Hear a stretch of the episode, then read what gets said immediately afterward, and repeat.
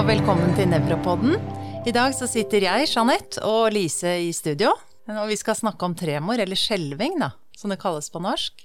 Og i dag så har vi med oss eh, Espen Dietrich. Velkommen. Takk for det. Du har jobbet mye med tremor. Ja, det, når man driver med bevegelsesforstyrrelser, sånn som jeg gjør, så blir det en del skjelving. Og og det kan vi se både som et isolert fenomen, men også sammen med annen sykdom. Og det er den hyppigste bevegelsesforstyrrelsen vi har. Det er det. Er det ikke det? Det er det. Hvor mange prosent sånn cirka rammer det i befolkningen? Vet vi noe om det? Altså, man har jo i hvert fall på essensiell tremor, da, som er den eh, skjelvesykdommen som kanskje er aller hyppigst, så eh, beregner man igjen, og, noen sier opptil 2% av befolkningen som har eh, essensiell tremor. Og så kommer jo noen av de andre tilstandene i tillegg. Så uansett så blir dette veldig hyppig. Og så skal vi jo selvfølgelig regne med alle som har fysiologisk tremor, den innebygde tremoren vi alle har, og som eh, blomstrer frem i visse situasjoner når vi blir stressa, eller når vi blir kalde, eller i andre, eh, andre sammenhenger. Ja, Så alle har egentlig opplevd tremor? Alle har opplevd tremor. Ja. Det er jeg helt sikker på. Så dette er hyppig, så la oss bare slå det fast med en gang. Men hvis det er en pasient som kommer inn med tremor for første gang til legen, hvordan skal vi tenke? Det finnes jo mange forskjellige tremortyper, men det aller første vi skal tenke på, er kanskje er det skjelvingen som er hovedproblemet, og kanskje det eneste problemet.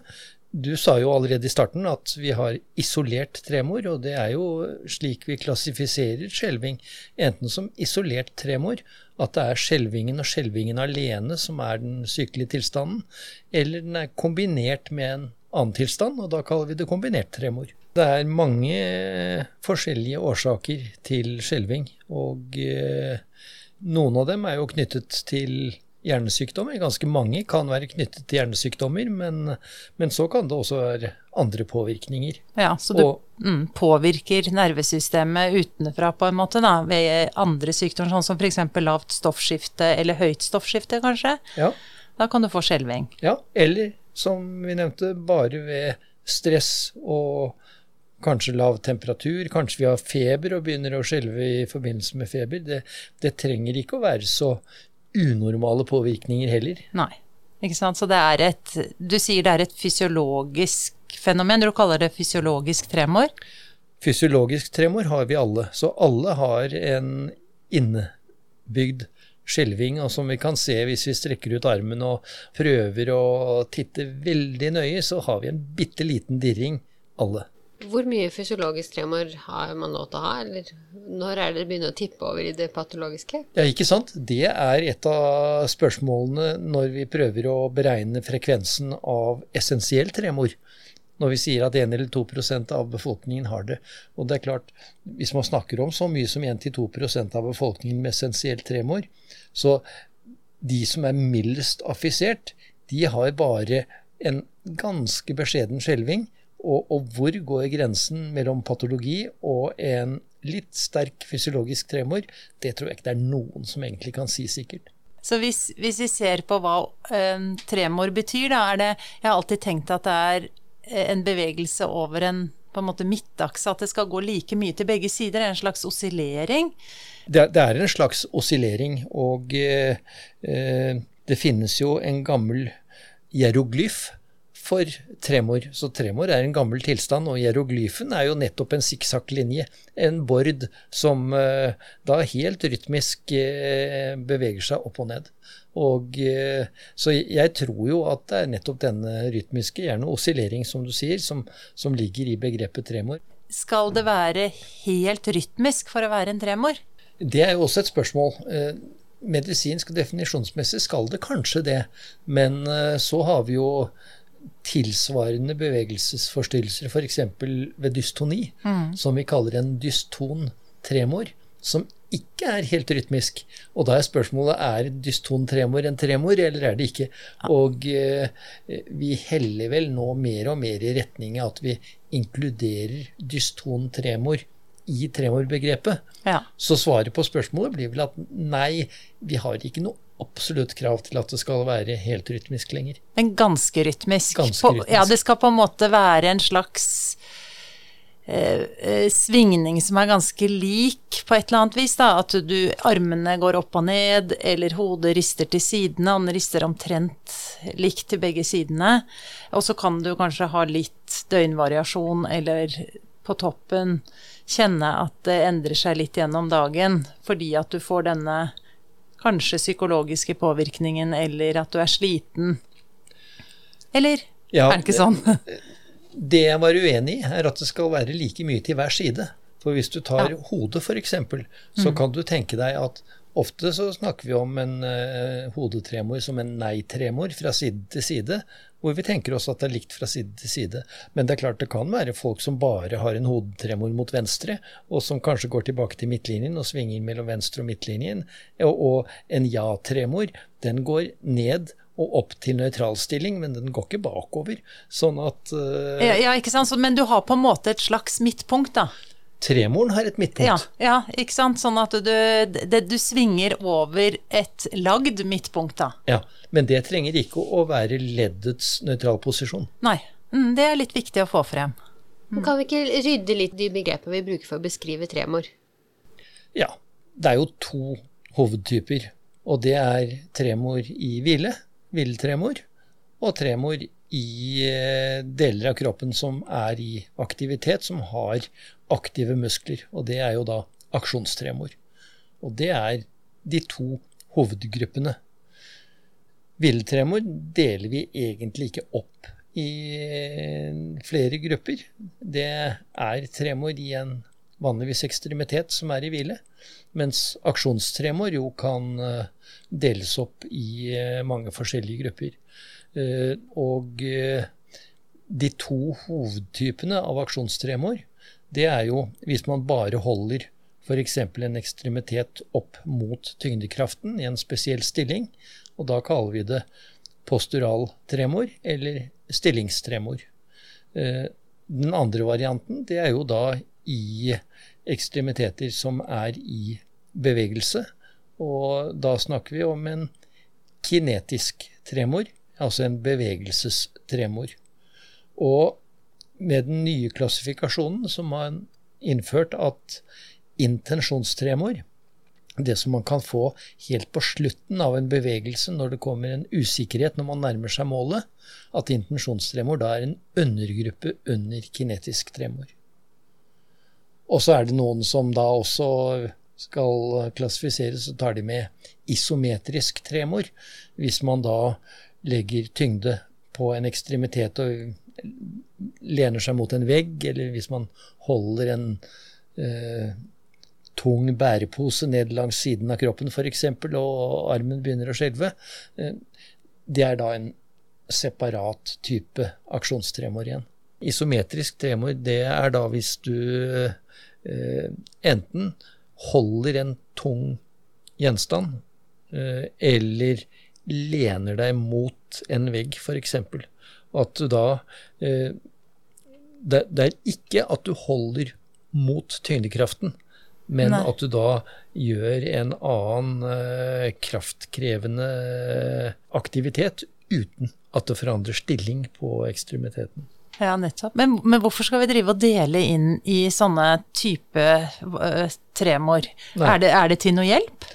Ja, det er til dels eh, hjelp. Uh, Hovedtypene hviletremor eh, mot aksjonstremor er jo den viktigste inndelingen, og hvor eh, det sier oss en del om, eh, om årsaken, fordi hviletremor i praksis er knyttet til basalgangler og helt spesielt parkinsonisme, mens aksjonstremor kan være knyttet til mange forskjellige tilstander, men i mange tilfeller er knyttet til systemer som går gjennom lillehjernen. Ja, nettopp. Så det er faktisk eh, sånn røfle kjempeviktig å dele mellom de to. Og når er egentlig kroppen i hvile?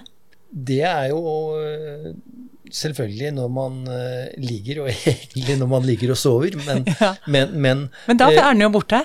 Da er jo all tremor borte, er det ikke det? Jo, det er slik at Når du sover? Når du sover så Mm. er den tremoren borte. Men øh, i hvert fall når du i en del søvnfaser. Du kan nok begynne å skjelve akkurat i forbindelse med endring de, til de letteste søvnfasene. Ja. Men uh, vi snakker jo ikke om at hele kroppen skal være i ro, vi snakker om i ekstremiteter som er i ro. Og det typiske er jo at vi ser en hviletremor f.eks. i armene. Det er jo det hyppigste. Hvis armene ligger i fanget eller hviler på et armlene eller, uh, eller det er i bena når man sitter i en stol. Og da kommer det opp enda et begrep da, med den hviletremoren, noe som heter pilletrilletremoer. Ja, det er bare en beskrivelse av en vanlig form for hviletremor. Fordi eh, mange Parkinson-pasienter kan man se har en, eh, en eh, tremor som går på en fleksjon både av fingrene og hvor tommelen gnir mot pekefingeren. Og i gamle dager så satt jo farmasøyten og trillet piller akkurat på den måten ved å gni tommelen mot eh, en pille som eh, er tenkt eh, oppå pekefingeren, den bøyde pekefingeren. Og mange Parkinson-pasienter har en tremor som ser ut akkurat slik som den gamle pilletrillingen. Så pilletrilltremor er jo et beskrivende begrep. Det er jo ikke en medisinsk diagnose. Nei, så det er en type eh, Det er en eh, Vanlig form for hviletremor. Ja, ikke sant. Hvor ellers kan du ha hviletremor, da? Ja, Det typiske er jo i, i, armene, og det er klart det trenger ikke å være pilletrilling i fingrene. Du kan uh, ha tremor i håndleddet f.eks., som både går i uh, bøy- og strekkretning, men det er jo noen som også kan ha hviletremor i underarmen som går mer i en pronasjon-supinasjonsretning. Sånn at uh, en hviletremor kan jo være i forskjellige retninger, og du kan ha det i, i bena, selvfølgelig. Du kan ha det i nakken, man kan ha det i underkjeven, man kan attpåtil ha det i leppene og i tungen. Så det er mange steder man kan ha en hviletremor. Ja, så å observere i sittende stilling er ganske fint. Jeg pleier ofte å be pasientene holde hendene i en slags uh, supinert stilling med hendene opp, vendt oppover. Ja. Det er jo det mange av oss uh, gjør. Hvis, I hvert fall hvis man er i tvil om pasienten slapper ordentlig av, og man ønsker å se om de virkelig har en hviletremor, så er nettopp det å sitte med, med supinerte hender i fanget veldig nyttig. Mm. Og så er det jo slik at for alle tremortyper så eh, vil stress aksentuere tremor. Enten det er fysiologisk tremor når vi blir stressa, alle søler kaffe når de blir stressa, men, eh, men også en pasient med en villtremor hvis vi stresser med f.eks. å teste 100 minus 7-prøven eller å stille intrikate spørsmål, så vil tremor kunne øke. Og hvis pasienten da sitter nettopp med hendene supinert i fanget, så kan vi veldig tydelig se hvordan hviletremor øker når vi stresser pasienten. Enkelte pasienter jeg har sett som har veldig kraftig hviletremor, når jeg da skal teste det med, få postural tremor, så ser det noen ganger ut som det er hviletremoren som bryter igjennom. Kaller man det da til både av hviletremor og posturaltremor? Det kommer litt an på fenomenet, fordi vi snakker akkurat som du sier om hviletremor som bryter igjennom når eh, vi tester i en spesiell stilling, når vi tester etter posturaltremor. Det som egentlig er det typiske fenomenet hos veldig mange Parkinson-pasienter med en kraftig hviletremor, det er at tremor stopper akkurat når de løfter armene og rekker de ut i eh, denne utstrakte stillingen, og så ser du at tremor kommer ganske raskt tilbake. Men det er også en forskjell under bevegelsene akkurat i begynnelsen når de inntar stillingen, og så kommer tremor etter en liten stund. Vi kan se det sammen med finger-nese-prøve, at pasienter har ingen tremor under finger-nese-prøven, eller kanskje de har en intensjonstremor, men de som da bare har en hviletremor, så kan det være helt eh, mangel på tremor under finger-nese-prøven, men hvis de holder fingeren på nesen over en liten stund, så begynner hviletremoren å slå igjen, og så plutselig har de en tremor når de holder fingeren på nesen. Og det er da fortsatt en hviletremor. Ja, Så vi kan egentlig nå legge hviletremor litt til side, sånn i forhold til uh, dette med aksjon og hviletremor, for da har vi egentlig gått gjennom de aller viktigste, eller den viktigste diagnosegruppen for hviletremor. Det er parkinsonisme. Men så er det da til aksjonstremor. Hvorfor skal vi klassifisere ulike undergrupper der, og hva får vi nytte av det? Det er slik at uh, essensiell tremor, som er den hyppigste tilstanden, den er nesten alltid forbundet med en postural tremor. Det kan være andre former for tremor i tillegg. Det kan være kinetisk tremor, det kan være intensjonstremor i tillegg. Men hovedbestanddelen ved essensiell tremor er nesten alltid en aksjonstremor. Så det hjelper oss ganske mye diagnostisk. Ved essensiell tremor så er det nesten et krav at pasientene har postural tremor i armene vanligvis ja, nokså symmetrisk. Så når du tar ut armene dine holder de rett fremfor deg, så ser du en skjelving. Skal man holde håndflatene oppover eller nedover? Jeg pleier å la pasienten holde nedover. Eh, dette er det mange forskjellige meninger om. Jeg tror ikke det betyr så veldig mye. Nei. Eh, det å stå med utstrakte hender over en periode og, og se på tremor der, Likeledes så er det nyttig å teste i vingeposisjon, hvor eh, pasientene bøyer eh, albuen langt ut til siden med albuen og holder fingertuppene nesten mot hverandre.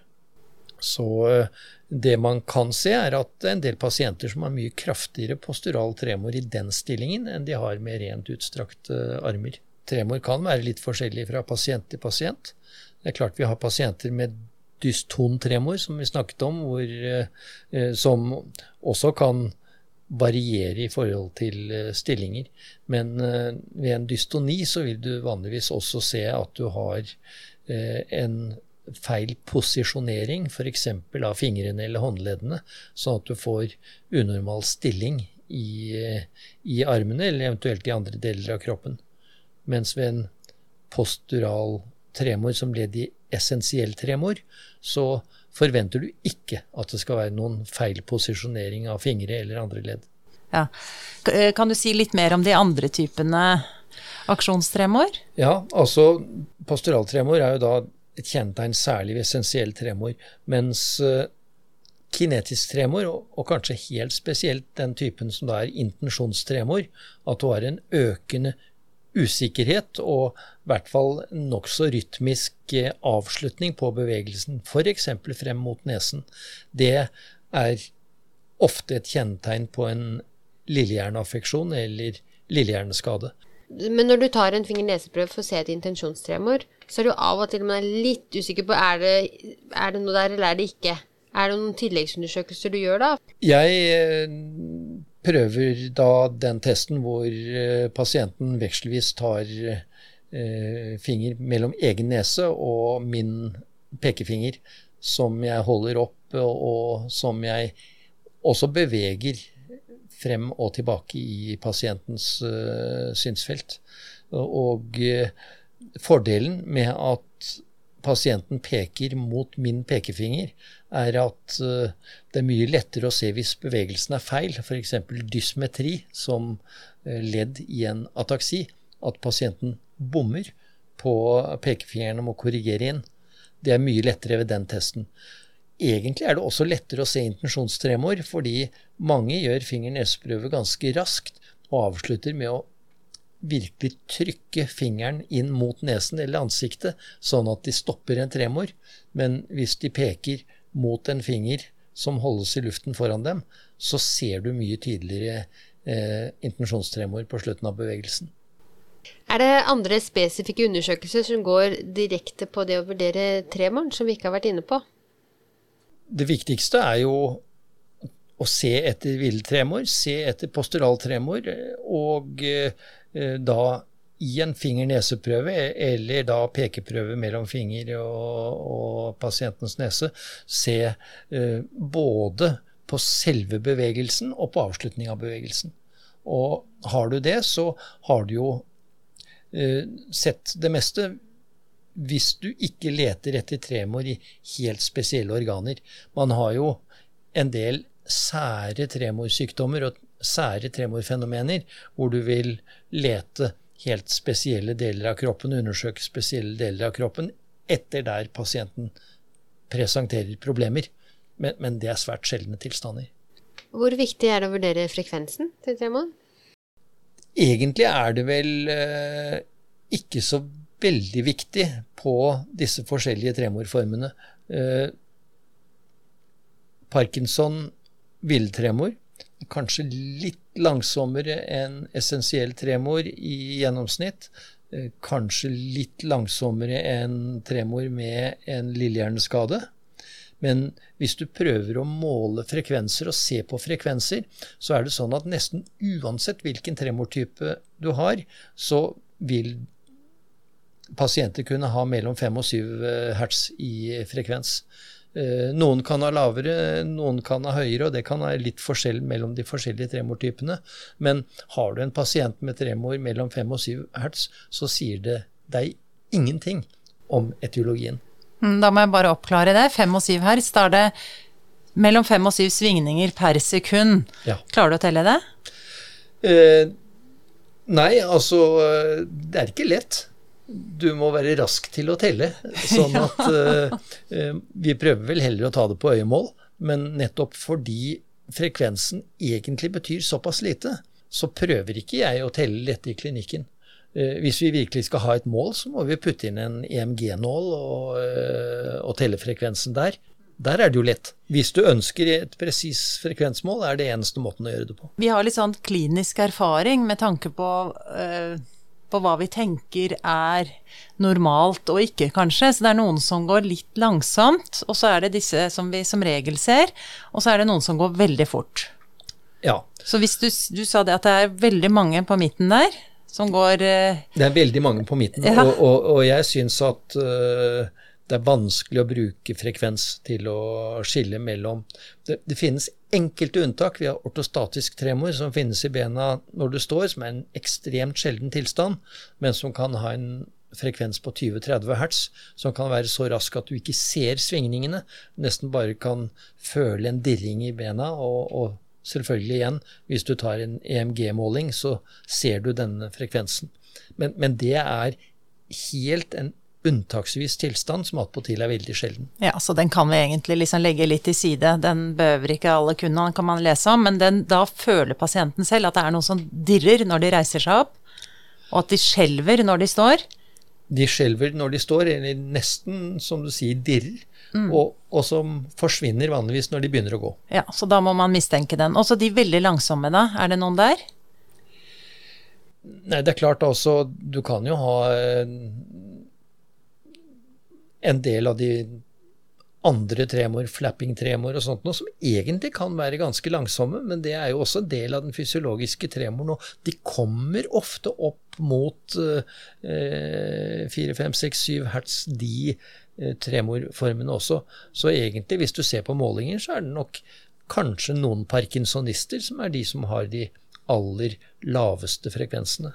Og den når vi er på frekvens, så tenker jeg også amplitude. For det er jo de tingene som står i mange lærebøker. Men det mm. kanskje må stå litt, bare for å gi et sånn lite begrep om hvordan det skal se ut, kanskje. Eh, er det derfor det alltid står i lærebøkene? Altså Klinisk erfaring tilsier jo at mange forskjellige av disse tremortypene kan også ha enormt forskjellige amplityder. Vi kan jo ha Parkinson-pasienter som har helt bisarre tremorformer, med, med, altså en hviletremor med eh, amplityde på både 20 og 30 og 40 cm.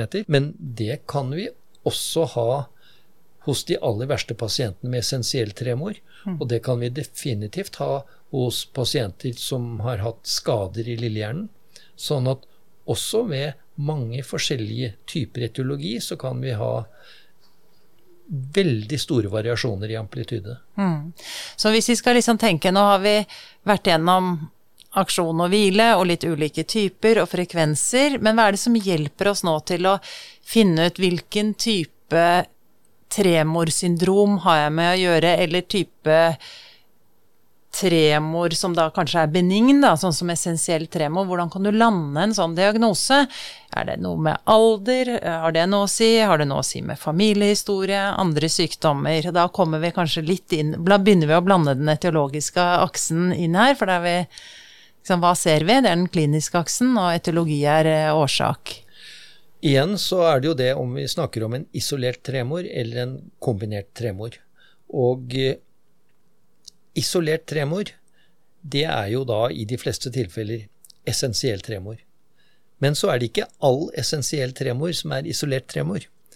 For i de siste kanskje 15-20 årene som er man blitt mer og mer oppmerksom på at eh, essensiell tremor kan deles i minst to hovedgrupper. Eh, de fleste av de med essensiell tremor som har en familiær form, og som har debut i ungdom eller tidlig voksen alder, har lite andre symptomer, kanskje ingen andre symptomer, og har da en ren isolert tremor, som altså først og fremst er en postural tremor i begge armer.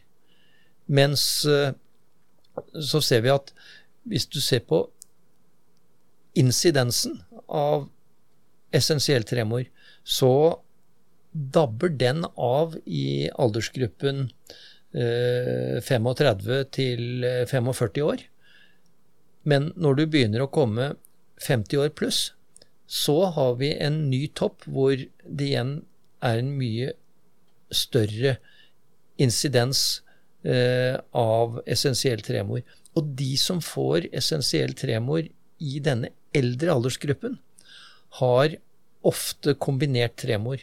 De har andre, kanskje soft science, men de har utfall på nevrologisk undersøkelse. Kanskje har de bitte lite grann rigiditet eller bradykinesi. Kanskje har de bitte lite grann ataksi. Kanskje begynner de å få bitte lite grann kognitiv svikt. Men ikke nok til at vi klarer å klassifisere dem som ataksi eller parkinsonisme eller eh, kognitiv svikt, demens. Eh, men allikevel de har litt mer enn bare en, isolert tremor. Og denne andre pukkelen på kurven over eh, insidens av essensiell tremor, de har en litt dårligere prognose, for de har en raskere utviklende tremor. Og de har, nettopp fordi de har da visse nevrodegenerative trekk, også en eh, større morbiditet når det gjelder andre ting. Mm. Og de ser vi en del på nevrologiske avdelinger, og det er vel også greit at noen av de blir henvist med tanke på å bli utredet for bl.a. Parkinsons sykdom eller cerebellære lidelser eller sykdom. Det er klart, eh, de som debuterer med essensiell tremor og har en familiær essensiell tremor fra 15 års alder eller 20 års alder, og eh, Eh, både en av foreldrene og en av besteforeldrene har hatt tilstanden fra før, og det er en tilstand som utvikler seg veldig langsomt og stort sett ikke gir særlig invalidiserende symptomer. De pasientene kommer jo ikke på nevrologisk avdeling. Så de vi får, det er jo nettopp de som debuterer med en tremor i høyere alder, eller som får en progredierende tremor, sånn at det virkelig blir invalidiserende symptomer. Sånn at ja, det er definitivt mest i denne eldre gruppen av essensiell tremor, hvor mange ikke har isolert tremor, men da har soft signs på andre nevrodegenerative symptomer. Og så har du det som du kalte kombinert tremor. Hva, hva er det kombinert oftest med da? Ja, altså Den aller vanligste formen for kombinert tremor, det er selvfølgelig hviletremor sammen med andre former for parkinsonisme. Ja. Sånn at mm. Parkinsons sykdom er den vanligste formen med kombinert tremor. Ja. Men øh, lillehjerneskade, MS-pasient med tremor uh, Hjerneslag. Hjerneslag med tremor. ikke ja. sant? Det, er alt dette. Og, og, som jeg da sier, denne andre gruppen av essensiell tremor som har noe andre nevrologiske utfall. Sånn at det er ikke en isolert tremor, det er en kombinert tremor. Mm. Og den andre pukkelen på insidenskurven for essensiell tremor kalles ofte essensiell tremor pluss, fordi de har noe mer enn bare essensiell tremor. Essensiell tremor pluss, det betyr egentlig at de har en kombinert tremor. Mm. Og så kunne man ha kombinert tremor med dystoni, du kan ha det med Korea, men er det bare kombinert med andre bevegelsesforstyrrelser? Eller Nei. kan du ha kombinert f.eks. med polynevropati, da, hvor du også Ja. kan få tremor? Du kan, og det er absolutt polynevropati. Hvis du har en, eh, en polynevropatipasient, kanskje en, en CIDP-pasient, som eh, har eh, f.eks. En, en kraftig postural posturaltremor, som vi av og til ser, det er en typisk kombinert tremor. Eller du kan ha leversvikt og flapping-tremor. Det er også en kombinert tremor. Ja, er det nesten litt sånn komplekst, det da? For dette, da blir det Ja, kombinert, det betyr ja. jo bare at Det er kombinert med er, noe annet. Det er noe annet enn tremor alene. Tremor alene er isolert tremor. Alt annet er kombinert tremor. Ja, så absolutt alt. Og da er vi jo egentlig litt over i liksom etiologiaksen, og da har vi egentlig vært innom at eh, alt kan, alt kan gi tremor. Ja, det er enda mange ting vi ikke har snakket om. Ja, ja, vi har f.eks. ikke snakket om uh, forgiftninger, toksikologi, Ja. uh, abstinens. Eh, det er mange ting som kan gi tremor. Ja, metabolske ting, inflammatoriske ting, degenerative har vi vært inne på. Svulster hvis de rammer riktig sted. Nå går jeg jo gjennom dette huskelisten min igjen, ikke sant, med sånn midnight, da kaller jeg det, og det er liksom eh, Ja, liste nedover. Vaskulære ting. Ja. altså vaskulære lesjoner i lillehjernen. Ja, de- åpenbart. ja. Men også andre vaskulære lesjoner. Ja. Hva med vaskulære lesjoner i basalgangliene? Det er Ja. ikke så ofte, men, men de kan nok i visse tilfeller gi tremor, de også. Ja, ja og ikke som, som du sa, toksiske ting, medikamenter og endokrine Ja. årsaker. Er det noen typiske medikamenter som vi må huske på kan gi tremor? Litium og valprat er i hvert fall det første jeg tenker på i eget fag. Vi kan ta med fenutoin. Ja, sant. Har du andre? Ja, altså vi, hvis vi går utenfor eget fag eh, Tyroksin i store doser kan Ja. definitivt gi tremor. tremor. Ja, så veldig, veldig mange ulike ting kan, eh, kan gi. Så da har vi gått gjennom egentlig mye på den etiologiske aksen. Da syns jeg egentlig at det aller viktigste er hvor er det egentlig hjernen dette kommer fra? Vi har nevnt to steder. Det er basalganglene og lillehjernen. Men Ja. hvorfor? Ja, det er eh, gode Sikkert eh, gode prisbelønninger på å finne det svaret. Men det er på en måte både baner inn og ut av lillehjernene, inn og ut av basalgangler og alt som kan påvirke de, både utenfra på medikamentsiden. Og vi vet jo at Vi snakket om dette med psykologiske faktor også, som påvirker Vi vet jo det at det kan påvirke basalganglene og lillehjernen. Ja. Så det Sannsynligvis er det jo litt forskjellige bakgrunn for de forskjellige tremortypene. Og igjen, de to hovedtypene, villtremor og aksjonstremor, vil jo da sannsynligvis ha litt forskjellig bakgrunn, i hvert fall. Vi vet jo at en dopaminmangel ved Parkinsons sykdom kan gi hviletremor. Og i hvert fall i en del tilfeller så er jo Parkinsons sykdom først og fremst en sykdom med nettopp dopaminmangel i substantia nigra. Vi vet jo nå at andre deler av hjernen også kan påvirkes i større eller mindre grad, men det ser ut som en ren dopaminmangel kan gi hviletremor, og derfor ser vi jo også at levodopa kan eh, stoppe hviletremor hos mange pasienter. Eh, så derfor må det jo da være banene gjennom basalganglene eh, etter at du har eh, avgitt dopamin i striatum, som er medvirkende eller kanskje direkte årsak til villetremor. Når det gjelder aksjonstremor, så vet vi at praktisk talt all type aksjonstremor formidles gjennom lillehjernen og gjennom den cerebellotalamiske banen, nervebanen fra lillehjernekjernene og opp til talamus. Men så er spørsmålet er den banen også involvert ved eh, tremor hos Parkinson-pasienter, altså i villtremor. Og eh, vi har så vidt vært inne på dystontremor hos dystonipasienter, eh, som jo tradisjonelt har vi tenkt at dystoni er også knyttet til basalgangliene. Men dystoni er nok også en tilstand som kan involvere lillehjernen. Og banen fra lillehjernen til talamus kan være involvert også i dystontremor. Og det merkelige er jo at hvis vi da behandler f.eks. med dyp hjernestimulering banen fra lillehjernen til talamus, så ser det ut som vi egentlig kan stoppe alle tremortyper, også villtremor.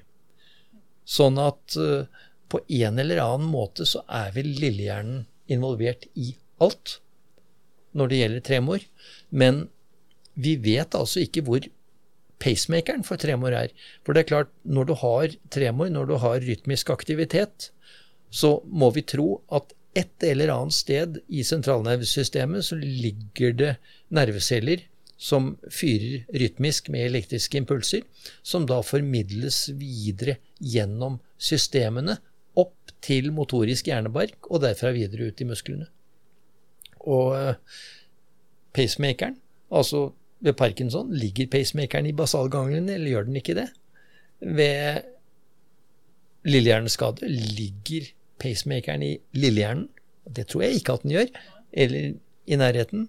Og hvor i all verden ligger pacemakeren ved essensiell tremor? Vi har noen essensielle tremorpasienter som altså kan ha forskjellige frekvens på tremor i de forskjellige ekstremitetene. Og det må jo da bety at vi snakker ikke om én pacemaker, men vi snakker om flere forskjellige pacemakere. Det er interessant, da. Og sitter det noen lenger nedover også, i ryggmargen? Kan man, man tenke det? Man kan jo tenke Hjernestamme? seg det. Jeg tror hjernestammen. Jeg mm. tror mm. at uh, pacemakeren for de fleste typer tremor er rytmisk fyrende nevroner i retikulærsubstansen i hjernestammen. Jeg vet det ikke, men det er et tips. Og eh, grunnen til det er jo at det er jo der vi særlig har rytmisk fyrende nevroner. Det er de rytmisk fyrende nevronene som styrer respirasjonsfrekvensen vår. Uh, rytmisk fyrende nevroner som styrer tyggemuskler og tyggefrekvens. Uh, som uh, styrer rytmiske kontraksjoner i svelgen og vi svelger. Og, og, mange andre aktiviteter som styres av rytmiske nevroner i hjernestammen.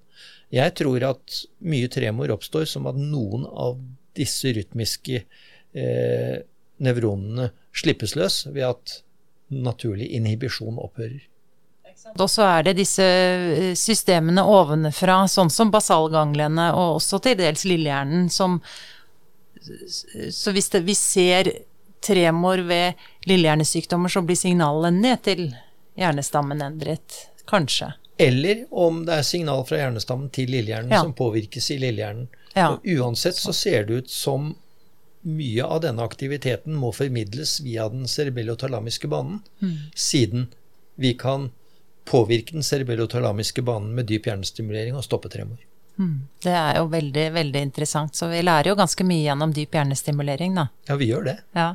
Men da er vi jo litt sånn på det siste mm, kapitlet, egentlig, på denne podkasten, og det er jo behandling. Og vi har jo snakket litt om behandling i form av på de som er veldig uttalt plaget, så kan vi behandle de med dyp hjernestimulering, som er en avansert form, og kanskje ikke det første vi prøver. Vi har jo vært litt inne på hvilken nevrotransmittere vi påvirker i hjernen. For det, det syns jeg alltid er litt interessant. Hva er det vi liksom har å ta av her? I forhold til hvilken option har jeg når jeg skal velge behandling? Ja, Vi kan jo starte med det enkleste, og det er jo hviletremor. Ja. For hviletremor er vanligvis knyttet til dopaminmangel. Ja. Og det å erstatte dopamin, enten gjennom levodopa eller dopaminagonister, det vil kunne ha en tremordempende effekt. Dessverre er det ikke alle Parkinson-pasienter som blir tremorfri av medikamentell behandling med levodopa eller dopaminagonister. Så kan man hos noen bruke antikolinergika. Det er vi ikke så glad i lenger til Parkinson-pasienter, fordi mange Parkinson-pasienter er eldre, og de kan bli forvirret av antikolinergika.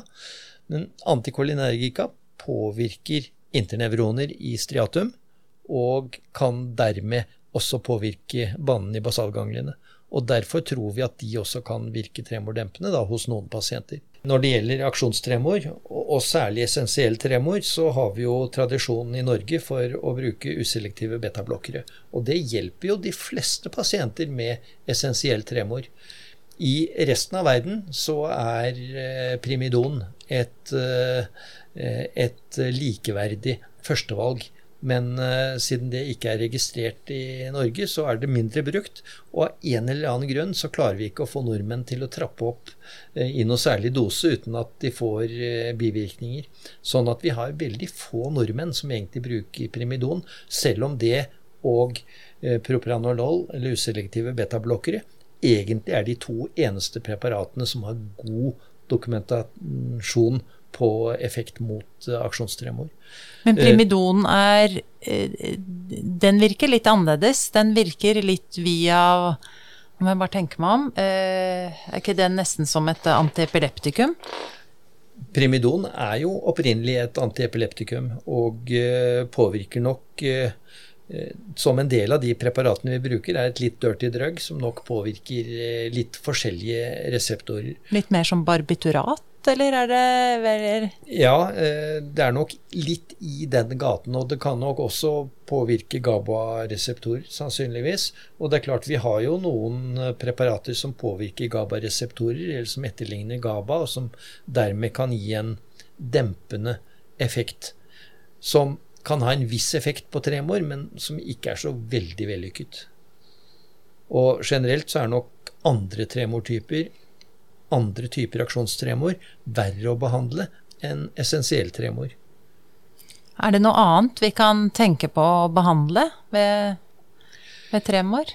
Det finnes jo en del triks, da, sånn som f.eks. lodd rundt håndleddene, og uh, rett og slett uh, bruke hjelpemidler for å uh, redusere effekten av tremor. Eh, andre og nyere hjelpemidler er jo også skjeer andre former for bestikk som, eh, som faktisk eliminerer eh, amplityden av tremor, sånn at du kan, kan bruke det selv om du har en ganske kraftig skjelving. Og man skal ikke kimse av, av, den typen ikke-medikamentelle tiltak. Mm. Det er vel kanskje det aller viktigste. Og så er det jo en del som sier at det har effekt av andre ting. Altså sånn som at det kan ha alkoholrespons, eller f.eks. Eh, effekt av benzodiazepiner, som vi nok ikke anbefaler. Nei, og det er nok særlig, altså særlig en del essensielle tremorpasienter, og kanskje særlig den yngre halvdelen av kurven med essensielle tremorpasienter, som har alkoholrespons. Og alkoholresponsen går jo via GABA-reseptorer. Så man ville jo forvente at de som har alkoholrespons, også skulle ha effekt av benzodiazepiner eller av uh, nevrontin, lyrika og den typen preparater. Det har de merkelig nok ikke i så stor grad som man teoretisk burde forventet. Mm. Da har vi vel vært igjennom ganske mye, Lise. Jeg syns det. Mm, det er kanskje noen tremortyper som jeg sitter igjen og lurer litt på. Og det er eh, Holms tremor og ja. rubral tremor. Det er det, det er det, samme. Ja. Det kommer ikke tremor fra nucleus ruber, så rubral tremor fins ikke. Eh, Holms tremor er da det begrepet som er eh, dukket opp istedenfor. Og dette går jo på lesjoner i mesencefalon. I mesencefalon så er det masse ting som er pakket sammen. Eh, vi har substantia nigra, vi har den nigrostriatale banen som går der, og den cerebellotalamiske banen. Eh, den cerebellotalamiske banen som bringer signaler og formidler tremor fra lillehjernen og videre oppover i systemet, passerer jo også rett gjennom mesencefalon. Så en liten egentlig ganske liten lesjon i mesencefalon som skader disse banene, kan da gi en spesiell tremor som egentlig inneholder alle tremorformer. Den påvirker både basalganglisystemet og gir villtremor, eh, cerebellotalamiske baner og gir aksjonstremor, og det kan da både være posturaltremor og kinetisk tremor med intensjonstremor. Sånn at Holms tremor er en spesiell tilstand som da kombinerer alle tremorformer. Og er veldig invalidiserende. Tremor kan være invalidiserende i seg selv, men ofte er jo dette pasienter som har enten iskjemiske lesjoner eller blødninger i mesencefalon, og da vil den vaskulære lesjonen ofte skade cerebellotalamiske baner på en slik måte at de i tillegg får en ganske uttalt ataksi. Og hvis de både har alle tremortyper og en ganske kraftig ataksi, så er man selvfølgelig ganske så invalidisert. Den siste behandlingstypen eh, vi må snakke om, det er jo dyp hjernestimulering. Og eh, det har jo en lang historie at man eh, oppdaget allerede på 1800-tallet i Paris at pasienter med tremor plutselig kunne stoppe å skjelve hvis de fikk et hjerneslag. Og eh, det de gamle nevrologene gjorde på La Salpêtrière, var jo da å obdusere og se at noen av disse pasientene hadde altså fått et slag, et infarkt eller en blødning i talamus, og at lesjoner i talamus da kunne stoppe tremor. Og dette var jo bakgrunnen for at man eh, egentlig allerede i mellomkrigstiden begynte å forsøke lesjonskirurgi mot talamus for å stoppe tremor. Og eh, dette ble raffinert videre, og så på eh, rundt 1990 så begynte man da med dyp hjernestimulering, eh, og fant ut at dyp hjernestimulering i talamus kunne eh, bedre tremor. Eh, og det har utviklet seg enda videre. Nå tester man ut andre målområder for dyp hjernestimulering. Og eh, et område som ligger rett under talamus og rett over nucleus subtalamicus, som vi bruker eh, ved parkinson, eh, ser ut som kanskje er det aller beste området til å dempe tremor. Zona incerta, eller kanskje riktigere det bakre subtalamiske området, som er et område som først og fremst inneholder nervebaner, bl.a. den cerebellotalamiske banen. Og påvirkning av den banen ser da ut til å faktisk kunne hjelpe mot alle tremortyper. Og også dystoni? Også dystoni. Eh, I hvert fall dystontremor. Ja. Eh, hvis man skal behandle dystonien i seg selv, så vil du velge et annet område, nemlig globus pallidus. Mm. Mens eh, altså dette området like nær zona incerta, det, det har først og fremst en tremordempende effekt. Da får man altså en elektrode operert inn via ganske avanserte systemer, og så satt på strøm utenfra. Ja, og eh, egentlig to elektroder, én på hver side. Ja. Og eh, paradokset er jo at vi egentlig fortsatt ikke helt vet hva vi gjør med dyp hjernestimulering når vi begynner å stimulere inni hjernen, men uh, trenden nå er nok at vi tror at det egentlig er viktigere å stimulere nervebaner og, og, og dermed overstyre impulsene i nervebanene enn å påvirke hjerneceller direkte. Og, og nettopp Derfor så er da dette nye området som brukes ved skjelving, det er jo et område uten noe særlig hjerneceller, men med passerende nervefibre. Og vi tror da kanskje at nettopp det å påvirke banen fra lillehjernen til talamus eh, er den metoden man da best bruker ved dyp hjernestimulering mot tremor. Mm. Da tror jeg vi har fått gjennom alt, Lise. Jeg tenker det. Mm. Er det noe du avslutningsvis har lyst til å si til lytterne våre? Nei, jeg tror vi har fått med oss eh, en del, jeg. Ja. Tusen hjertelig takk for at du kom. Bare hyggelig.